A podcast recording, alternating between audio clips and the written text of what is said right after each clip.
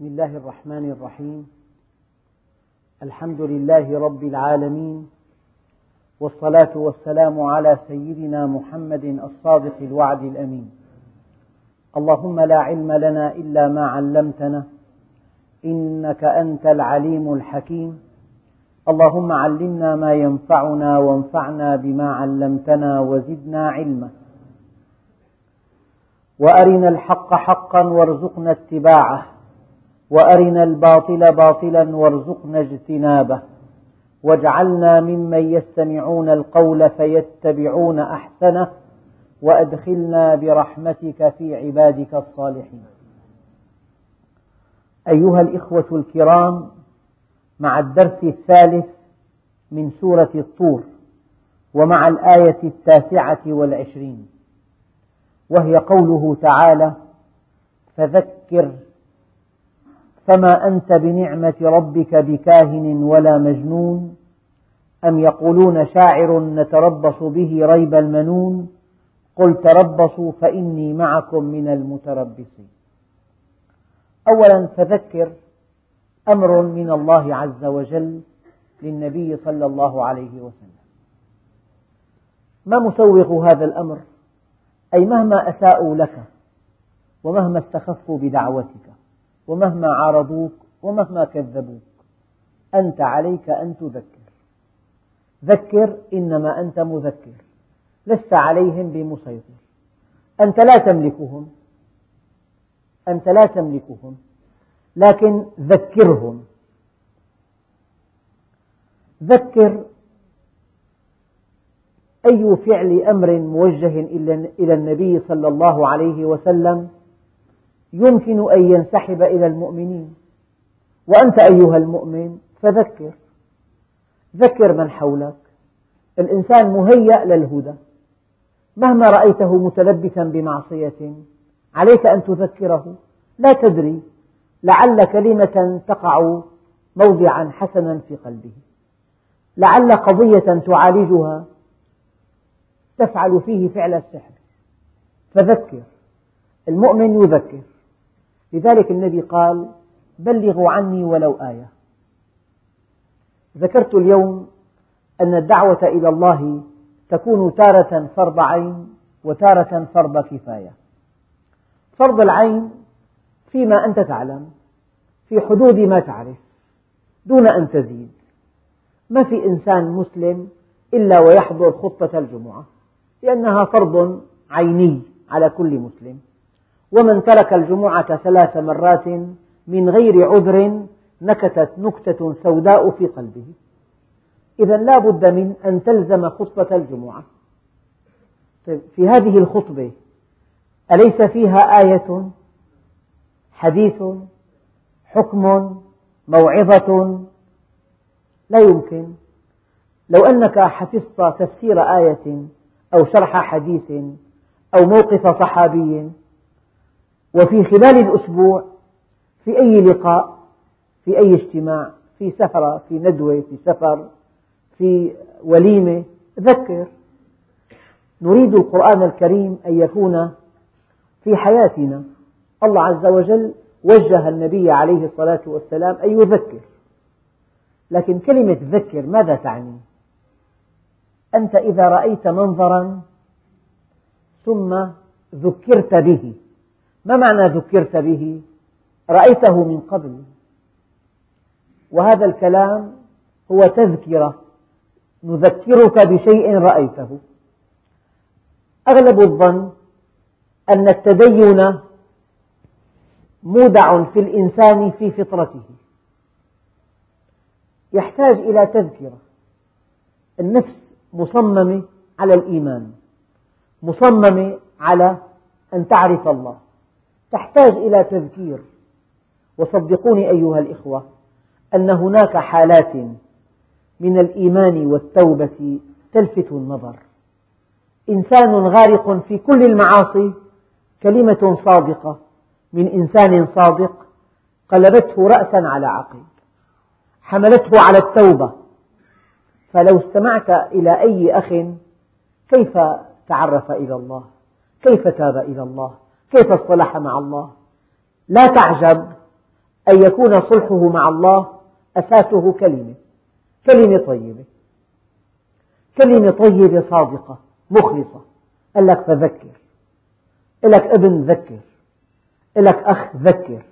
لك جار ذكر. لك شريك ذكر. صديق سفر ذكر.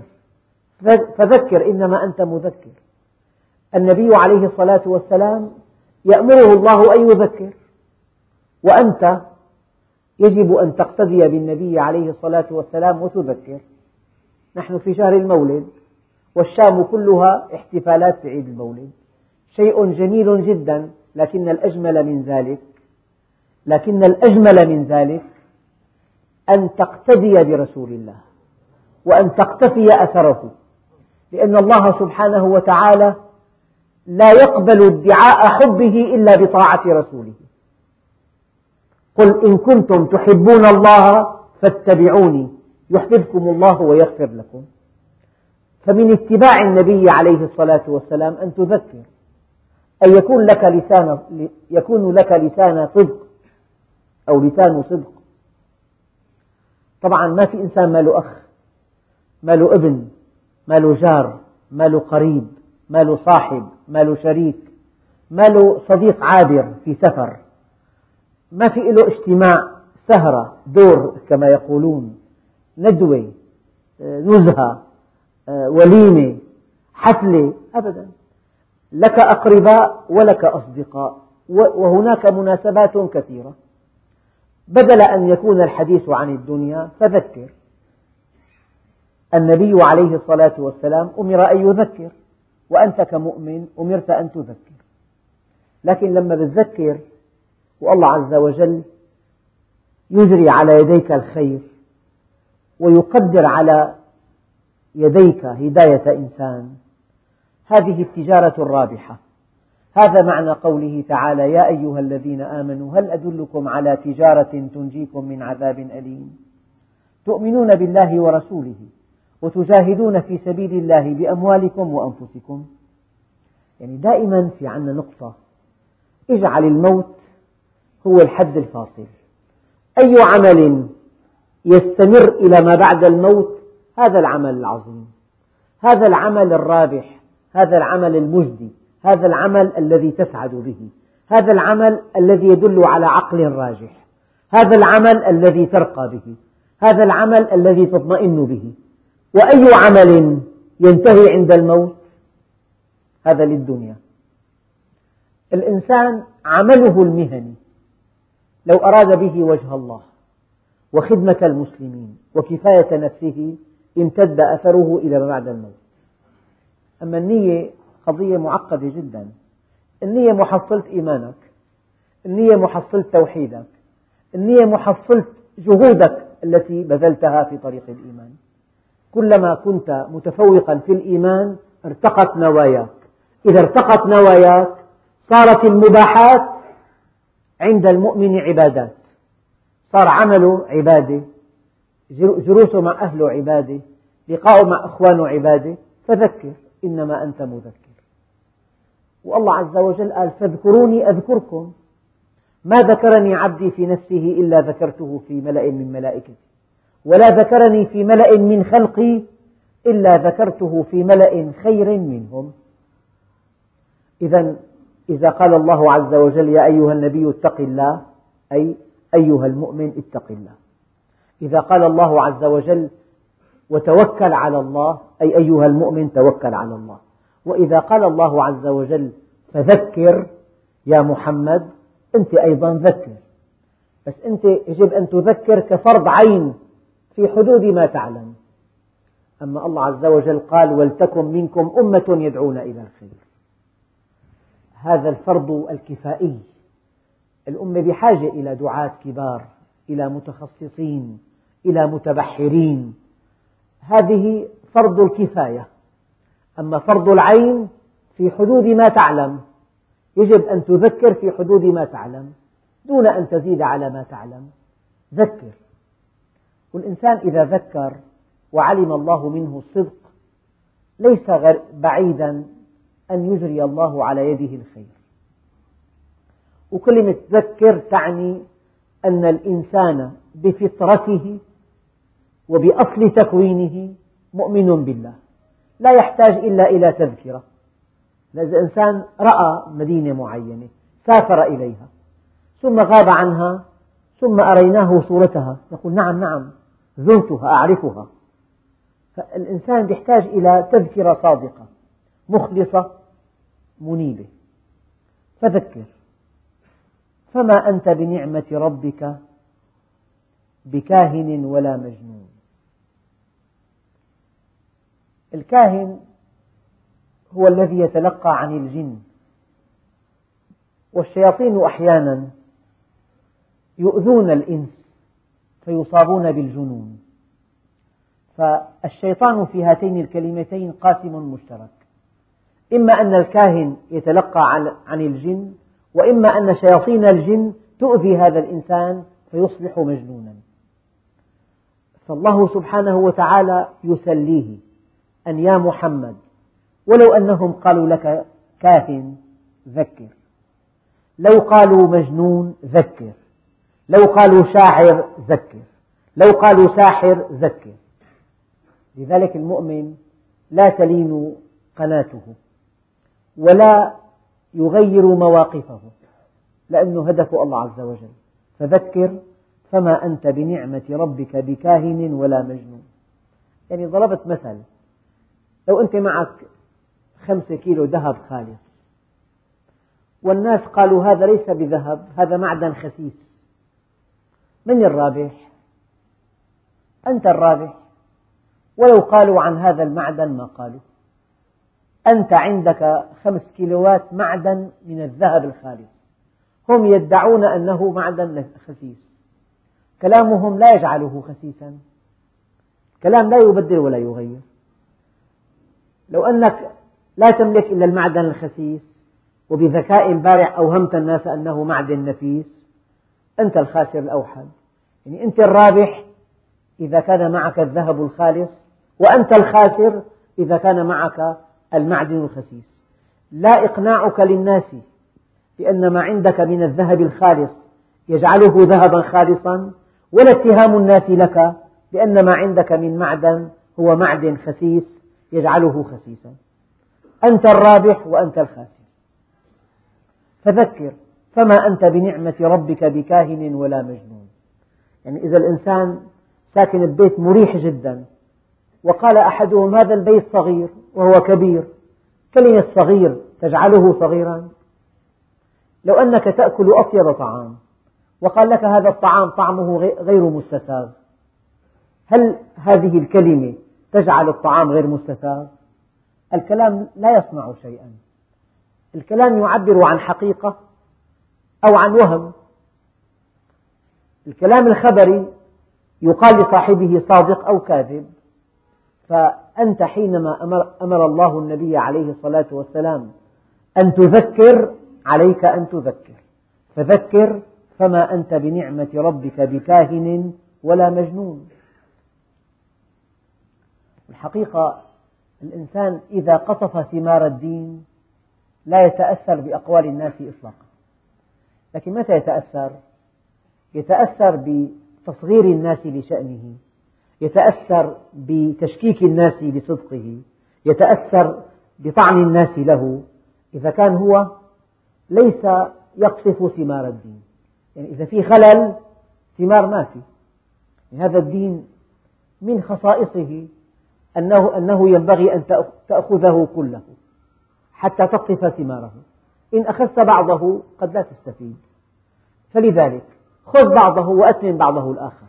لا نقول لمن يأخذ بعض الدين دع هذا البعض. هذا كلام غير شرعي إطلاقا. نقول أتمم أتمم أتم الله عليك.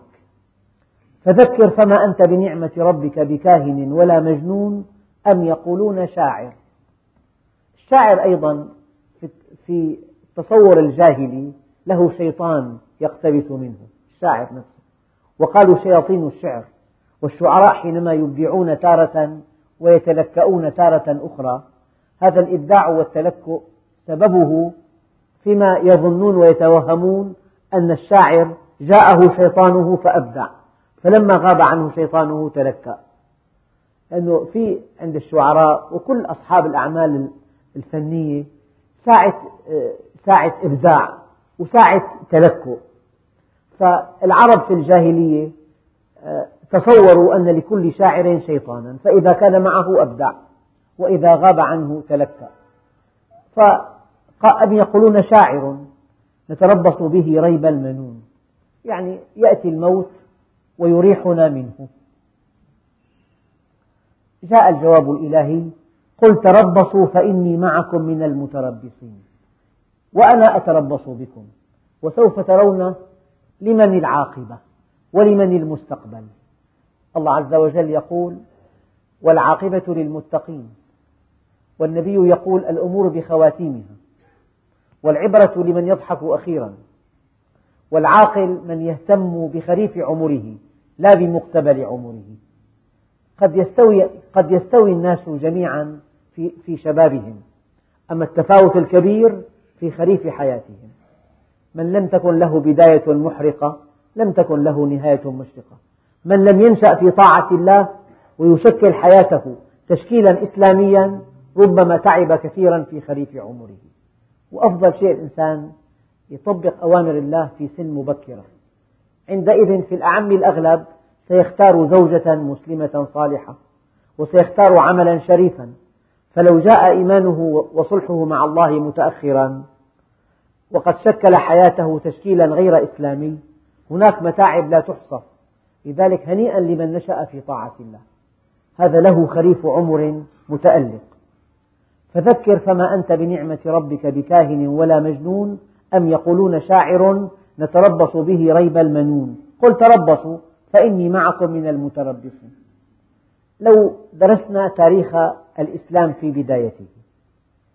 أصحاب النبي الذين آزروه ونصروه وأيدوه وقاتلوا معه ووضعوا أرواحهم على أكفهم نصرا له والذين عارضوه وكذبوه وأتمروا على قتله وإخراجه والتنكيل بأصحابه. قبل أن يأتي يوم القيامة أين هؤلاء الذين عارضوه وكذبوه؟ أين مقاماتهم التي تزار؟ حدا منكم شاف مقام أبو جهل في مكة؟ أين مقاماتهم التي تزار؟ في مزبلة التاريخ. أما أصحاب النبي عليه الصلاة والسلام الذين نصروه وأيدوه في أعلى عليين في مقام رفيع. فالعبرة للخاتمة العبرة لمن يضحك آخرا العاقبة للمتقين.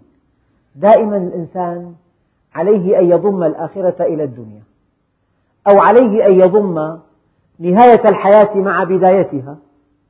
أما إذا نظر إلى البداية قد يتوهم أن المتفلت أسعد من المنضبط وأن الغني الذي جعل غناه من مال حرام أسعد من الفقير الذي تورع عن المال الحرام. أما إذا ضممت آخر الدنيا إلى أولها أو ضممت الآخرة إلى الدنيا تختلف الموازين. ذكرت مرة أن راكب دراجة يمشي على طريق مستوي واجه طريقين. طريقا نازلا معبدا تحفه الأشجار والورود والرياحين وطريقا صاعدا وعرا فيه الصخور وفيه الأكمات وفيه المتاعب. طبعا راكب الدراجة يختار الطريق النازل ويبتعد عن الطريق الصاعد.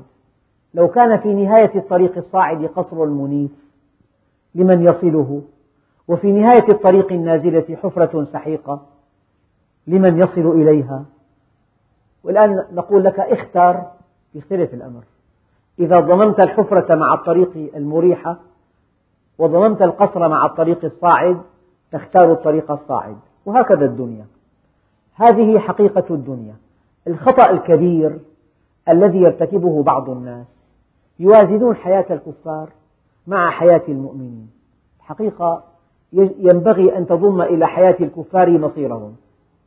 وينبغي أن تضم إلى حياة المؤمنين مصيرهم الذي وعدهم الله به نظريا طبعا مو على شخص معين. إنسان إنسان انضبط خاف من الله تعرف إليه رجا قربه رجا طاعته ضبط دخله ضبط إنفاقه ضبط جوارحه ضبط أولاده زوجته. اللي ضبط وكان في الدنيا ليس وكان في الدنيا قليل ذات اليد كما يقولون والذي تفلت فأصبح غنيا. لا توازن هذا بهذا. إن أردت أن توازن ضم الآخرة إلى الدنيا ووازن. ضم آخرة المنضبط إلى دنياه ووازن. وضم آخرة المتفلت إلى دنياه ووازن. لذلك قال سيدنا علي الغنى والفقر بعد العرض على الله. أم يقولون شاعر نتربص به ريب المنون؟ قل تربصوا فإني معكم من المتربصين. لذلك الله عز وجل أمر المؤمنين أن يقولوا للكافرين قل لن يصيبنا إلا ما كتب الله لنا. لن يصيبنا إلا ما كتب الله لنا. هل في الآية بشارة؟ نعم. البشارة من كلمة لنا أنه لنا تفيد التملك. الشيء السمين هو الذي يملك. ما إنسان يتملك عقرب يقول لك أنا عندي خمس عقارب. الشيء الثمين يملك. يملك الذهب تملك الفضة تملك الجواهر اللآلئ. الله عز وجل قال لها ما كسبت وعليها ما اكتسبت. الشيء الثمين الخير الجيد لها والوزر والإثم والعقاب عليها. فحينما قال الله عز وجل قل لن يصيبنا إلا ما كتب الله لنا. معنى المؤمن خطه البياني صاعد. ولو اقتضى التأديب أحيانا والتربية أن ينزل هذا الخط لكن المحصلة النهائية صاعد. ينزل ثم يصعد يتابع صعوده.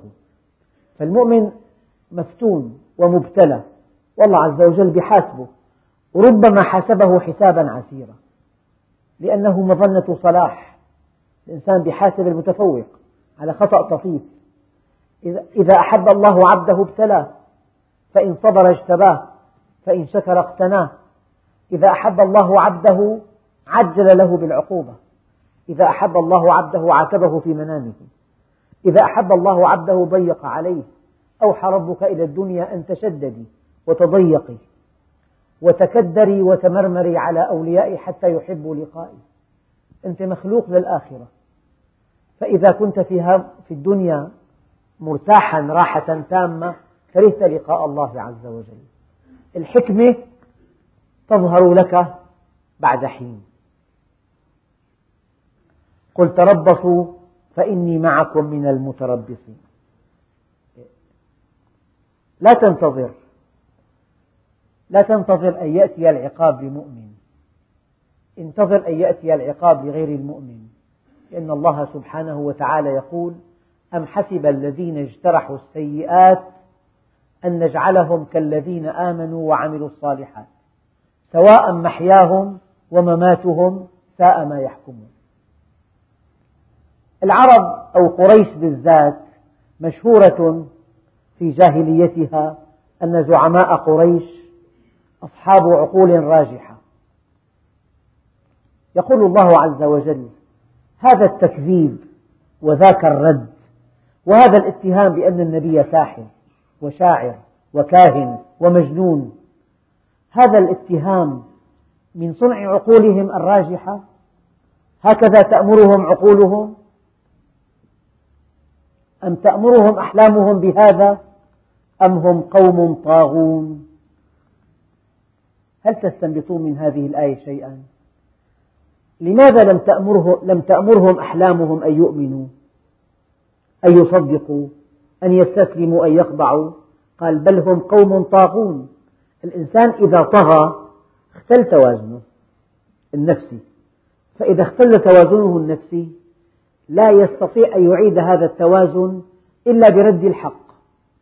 لو قبل الحق وكان لو قبل الحق وكان مخالفا لتعليمات الحق يزداد اختلال توازنه أما حينما يتهم أهل الحق بالكذب أو بالجنون أو بالغيبيات هذا الاتهام يحقق له توازنه.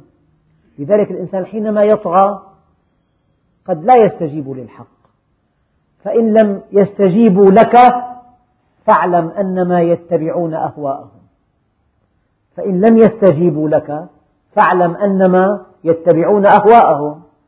ومن أضل ممن اتبع هواه بغير علم. أرأيت الذي يكذب بالدين؟ فذلك الذي يدع اليتيم هو نفسه. لذلك لو أنهم لم يكونوا قوما طاغين لأمرتهم أحلامهم بالإيمان بالله ورسوله. بس لأنهم قوم طاغون عقولهم أبت أن تعترف بالحق. أم تأمرهم أحلامهم بهذا؟ أم هم قوم طاغون؟ الآن الله عز وجل خاطب الفطرة خطاب رائع. أعطى الإنسان كل الافتراضات ورد عليه. أم يقولون تقوله يعني هذا الكلام ليس كلام الله. النبي جاء به من عنده. افتراه على الله. القرآن من صنع النبي عليه الصلاة والسلام. كان عبقريا فذا فكتب كلاما استحوذ على قلوب الناس به. أم يقولون تقوله؟ بل لا يؤمنون. يعني ما وجدت مثل أوضح لهالآية مما لو. أطلعت إنسان على قطعة ماس من أعلى مستوى. قال لك هذه باللور. كيف يقول عن الماس إنه باللور؟ لأنه لا خبرة له إطلاقا في هذا الموضوع. ما قال هذه الكلمة إلا لأنه عديم الخبرة. لو كان خبيرا لما قال هذا الماس باللور. أم يقولون تقوله يعني قرأوا القرآن. لو وقفوا عند صيغته ونظمه وإعجازه ودقة أحكامه وتوافق أحكامه مع طبيعة النفس. لو, لو تأملوا هذا الكتاب لما قالوا تقوله. وما في شيء بالإنسان أقبح من أن يمزق رسالة قبل أن يقرأها. موقف قبيح وغبي أن تمزق رسالة قبل أن تقرأها. طيب هذا الذي يقول هذا الكلام كلام محمد. هل قرأ القرآن؟ هل تدبر آياته؟ هل شاهد إعجازه؟ إعجازه العلمي والتشريعي والتاريخي والبلاغي واللغوي والحسابي هل وضع يده على إعجاز القرآن الكريم؟ ثم يقول تقوله. أم يقولون تقوله؟ بل لا يؤمنون. لأنهم ما آمنوا أن لهذا الكون خالقا عظيما. لا يمكن أن يدع قومه يدع الناس من دون هدى. يعني في أب يبقى ساكت أولاده يتحركون بلا منهج بلا خطة. لا يتدخل. أب يجلس رأى ابنه يقترب من نطفة وهو صغير يبقى ساكت. يعني التوضيح والتبيين والتنوير هذا من لوازم الإله الكامل. الإله الكامل الذي خلق فأبدع لا بد أنه نور الناس وهداهم إلى طريق سعادتهم.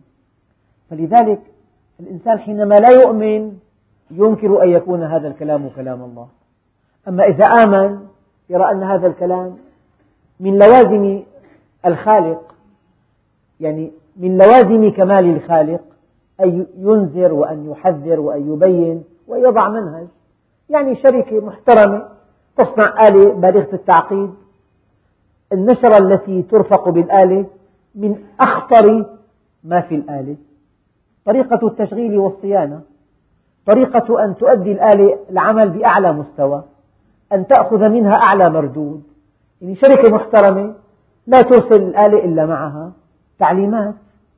أيام تلاحظ في آلات تعليمات بالغة. يعني مأخذ الكهرباء مغلق مختوم مكتوب 220 أو 110 لئلا تقع بغلط. فكل ما كان في رقي بالصناعة في رقي بالتوجيه.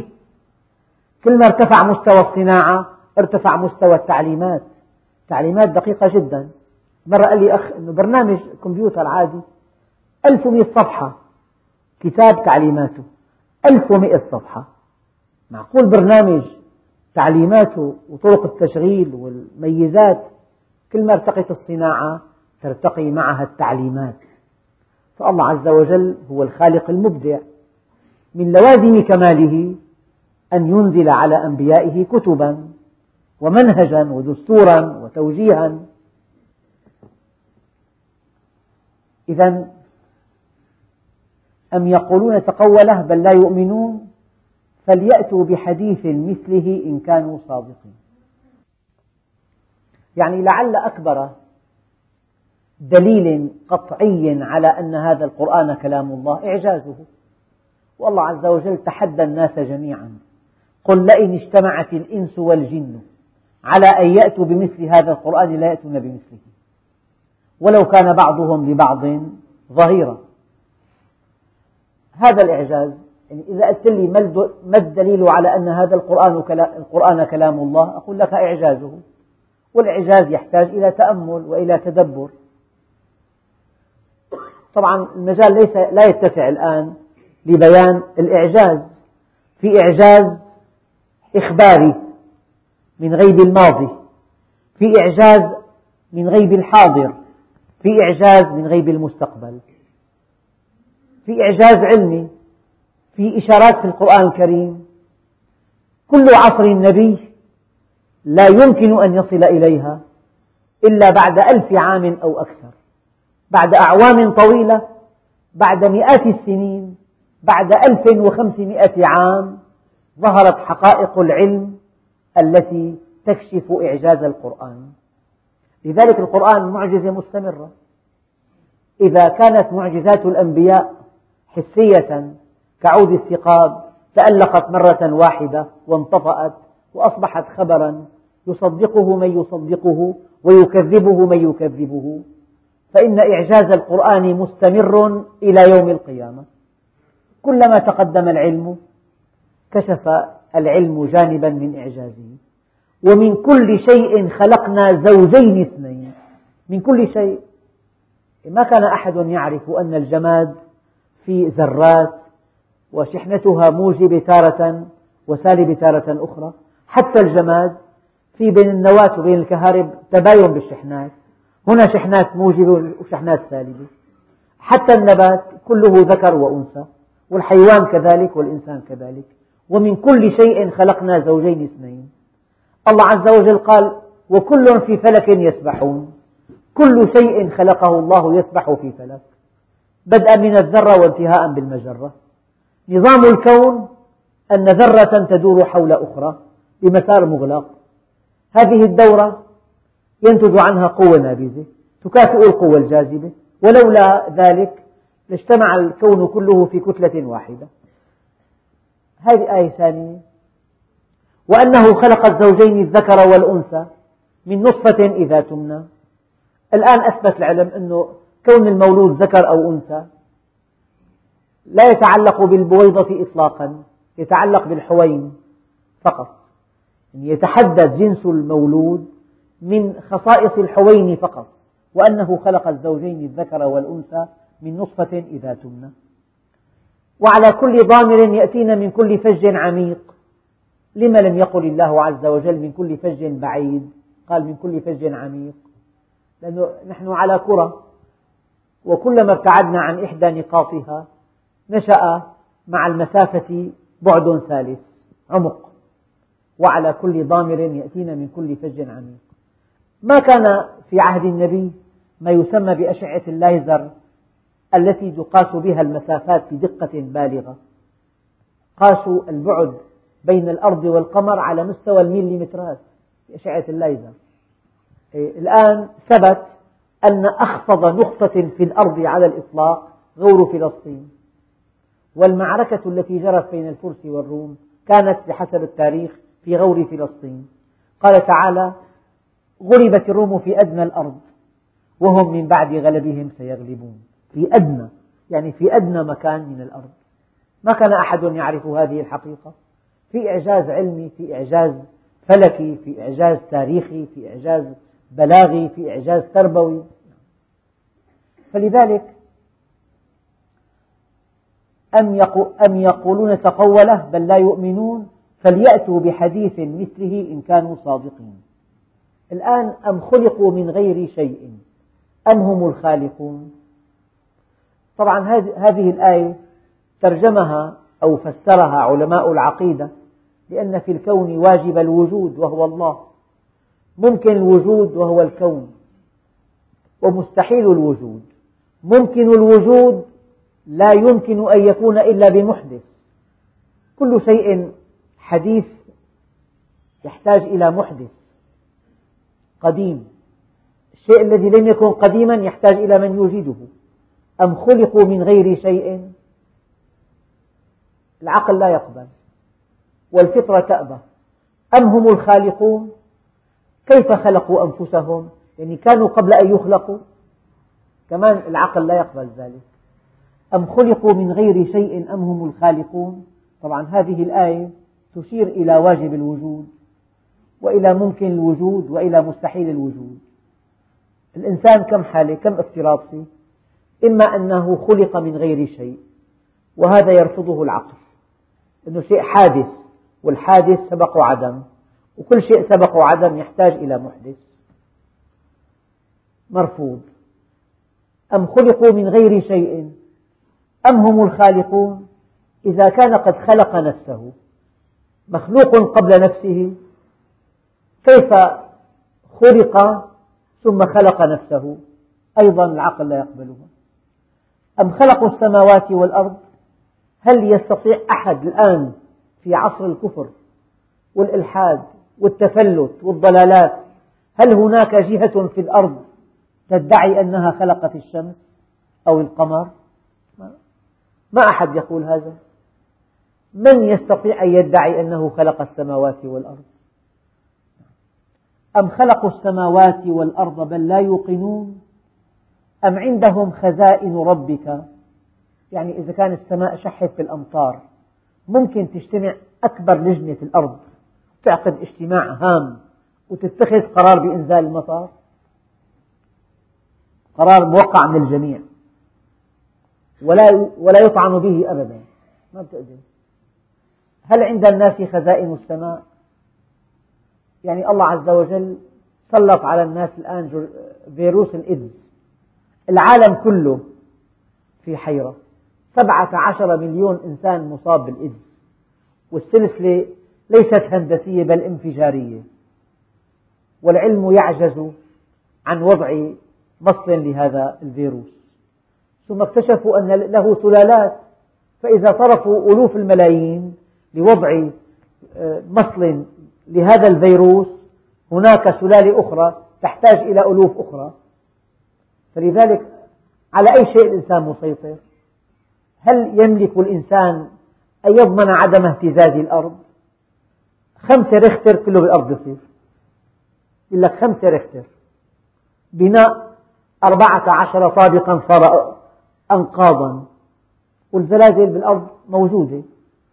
بآسيا بأوروبا بأفريقيا بالمغرب. أغادير مدينة على الساحل الأطلسي. بثواني معدودة أصبحت تحت الأرض كلها. فندق ثلاثين طابق بقي منه الطابق الأخير. وكأن هذا الطابق الأخير الذي عليه اسم الفندق صار شاهدة لهذا القبر. أم, أم عندهم خزائن ربك أم هم المسيطرون؟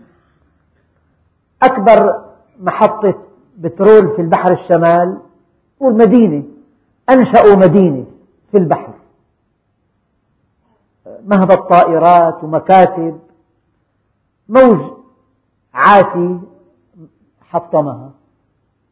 لكن نقلت نفط مليون طن تحمل مليون طن. أيام يأتي موج كالجبال فيشطرها شطرين.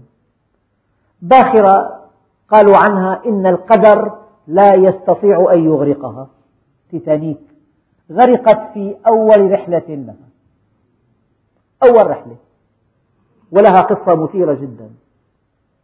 أم عندهم خزائن ربك؟ أم هم المسيطرون؟ الآن بالمغرب في جفاف آه، كبير جدا. قبل سنوات في أوروبا في جفاف. قبل سنوات عندنا في جفاف. تلاقي بالعالم منطقة تموت من العطش. أين المطر؟ اتخذوا قرار بإنزال المطر. منطقة تموت من الفيضانات. أم هم المسيطرون؟ تملك الرياح إعصار واحد يدمر كل شيء. هناك أعاصير بأمريكا لا تبقي ولا تذر. كان هنا مدينة كان هنا أنقاض كلها. لا أشجار ولا أبنية ولا شيء. هل نملك الرياح نحن؟ يعني أيام عاصفة رياح واحدة قلعت 130 بيت زراعي بالساحل. عاصفة واحدة. بوقت قصير. أحيانا صقيع يتلف النبات كله. نملك الحرارة نحن. قبل أعوام على الساحل على البحر 8 سم الثلج. والدرجة تسعة تحت الصفر. على ماء البحر. لا نملك شيئا. لا نملك الحرارة ولا البرودة. موجة حر واحدة. يقول لك 380 شخص ماتوا بموجة حر بأمريكا أصابت قبل أسابيع.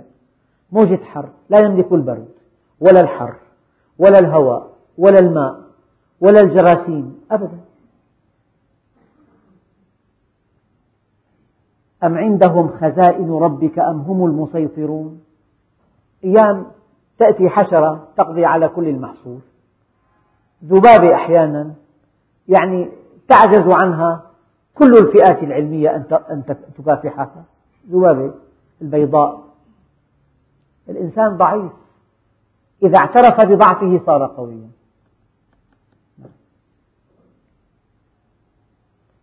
أم لهم سلم يستمعون فيه؟ فليأتي مستمعهم بسلطان مبين. يعني أنتم ترفضون هذا الوحي. عندكم طريقة لأخذ خبر السماء من غير هذا الطريق؟ عندكم من يستمع إلى وحي السماء فليأتي مستمعهم بسلطان مبين. ثم إن العرب كانت تحتقر البنات في جاهليتهم. ألم يقل الله عز وجل وإذا الموءودة سئلت بأي ذنب قتلت؟ فكان العرب في جاهليتهم ينسبون البنات ينسبون الملائكة ويتوهمون أنهم بنات الله. أم له البنات ولكم البنون؟ ثم إن هذه الدعوة هل يطالبون بأجر عليها؟ يعني الإنسان عند طبيب يدفع بهيئ الرسم أو الأجرة عند المحامي بهيئ عند المهندس بهيئ دخل إلى بائع بهيئ.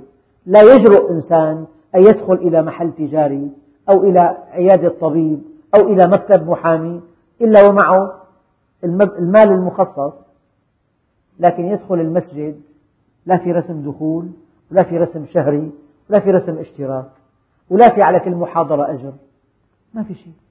أم تسألهم أجرا فهم من مغرم مثقلون الإنسان أيام لحتى يعصي الله بده يدفع مصاري. يقول لك الليلة على الشخص 1500 رأس السنة. للمعصية أجر باهظ جدا. حتى يسمع له الحديث في أجر باهظ. يعني أرقام كلها خيالية. لك هذا المغني الخمسين ألف دولار جابوه من بلد أجنبي مثلا. طيب الإسلام ما في شيء إطلاقا كله ببلاش. أم تسألهم أجرا فهم من مغرم مثقلون؟ أم عندهم الغيب فهم يكتبون؟ يعني في جهة أرضية تستطيع أن تكشف الغيب. هذا الذي حصل في شرق العالم انهيار دول عظمى. من كان يتنبأ بهذا؟ والله من تنبأ بهذا لدخل إلى المستشفى الأمراض العقلية. بعد حين هذه القلعة الشامخة من قلاع الكفر أصبحت كبيت العنكبوت. من يتنبأ بهذا؟ أم عندهم الغيب فهم يكتبون؟ أم, يريد أم يريدون كيدا؟ فالذين كفروا هم المكيدون. يعني الكافر لا يصنع الكيد يقع عليه الكيد. هو موضوع الكيد ليس صانع الكيد. الله جل جلاله هو الذي يدبر. أما الإنسان يدبر له. أم يريدون كيدا؟ فالذين كفروا هم المكيدون. يعني الكافر في قبضة الله.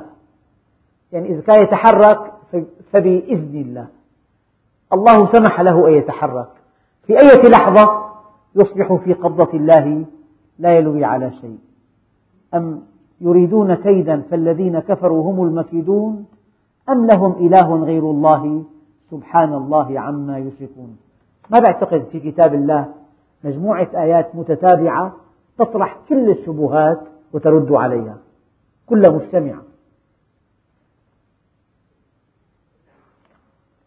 أم تأمرهم أحلامهم بهذا أم هم قوم طاغون أم يقولون تقوله بل لا يؤمنون فليأتوا بحديث مثله إن كانوا صادقين أم خلقوا من غير شيء أم هم الخالقون أم خلقوا السماوات والأرض بل لا يوقنون أم عندهم خزائن ربك أم هم المسيطرون أم لهم سلم يستمعون فيه فليأت مستمعهم بسلطان مبين أم له البنات ولكم البنون أم تسألهم أجرا فهم من مغرم مثقلون أم عندهم الغيب فهم يكتبون؟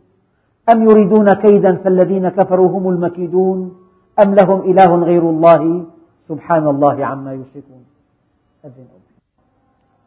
وإن يروا كسفا من السماء ساقطا يقولوا سحاب مركوم قد يكون هذا الكسف الساقط بلاء كبير.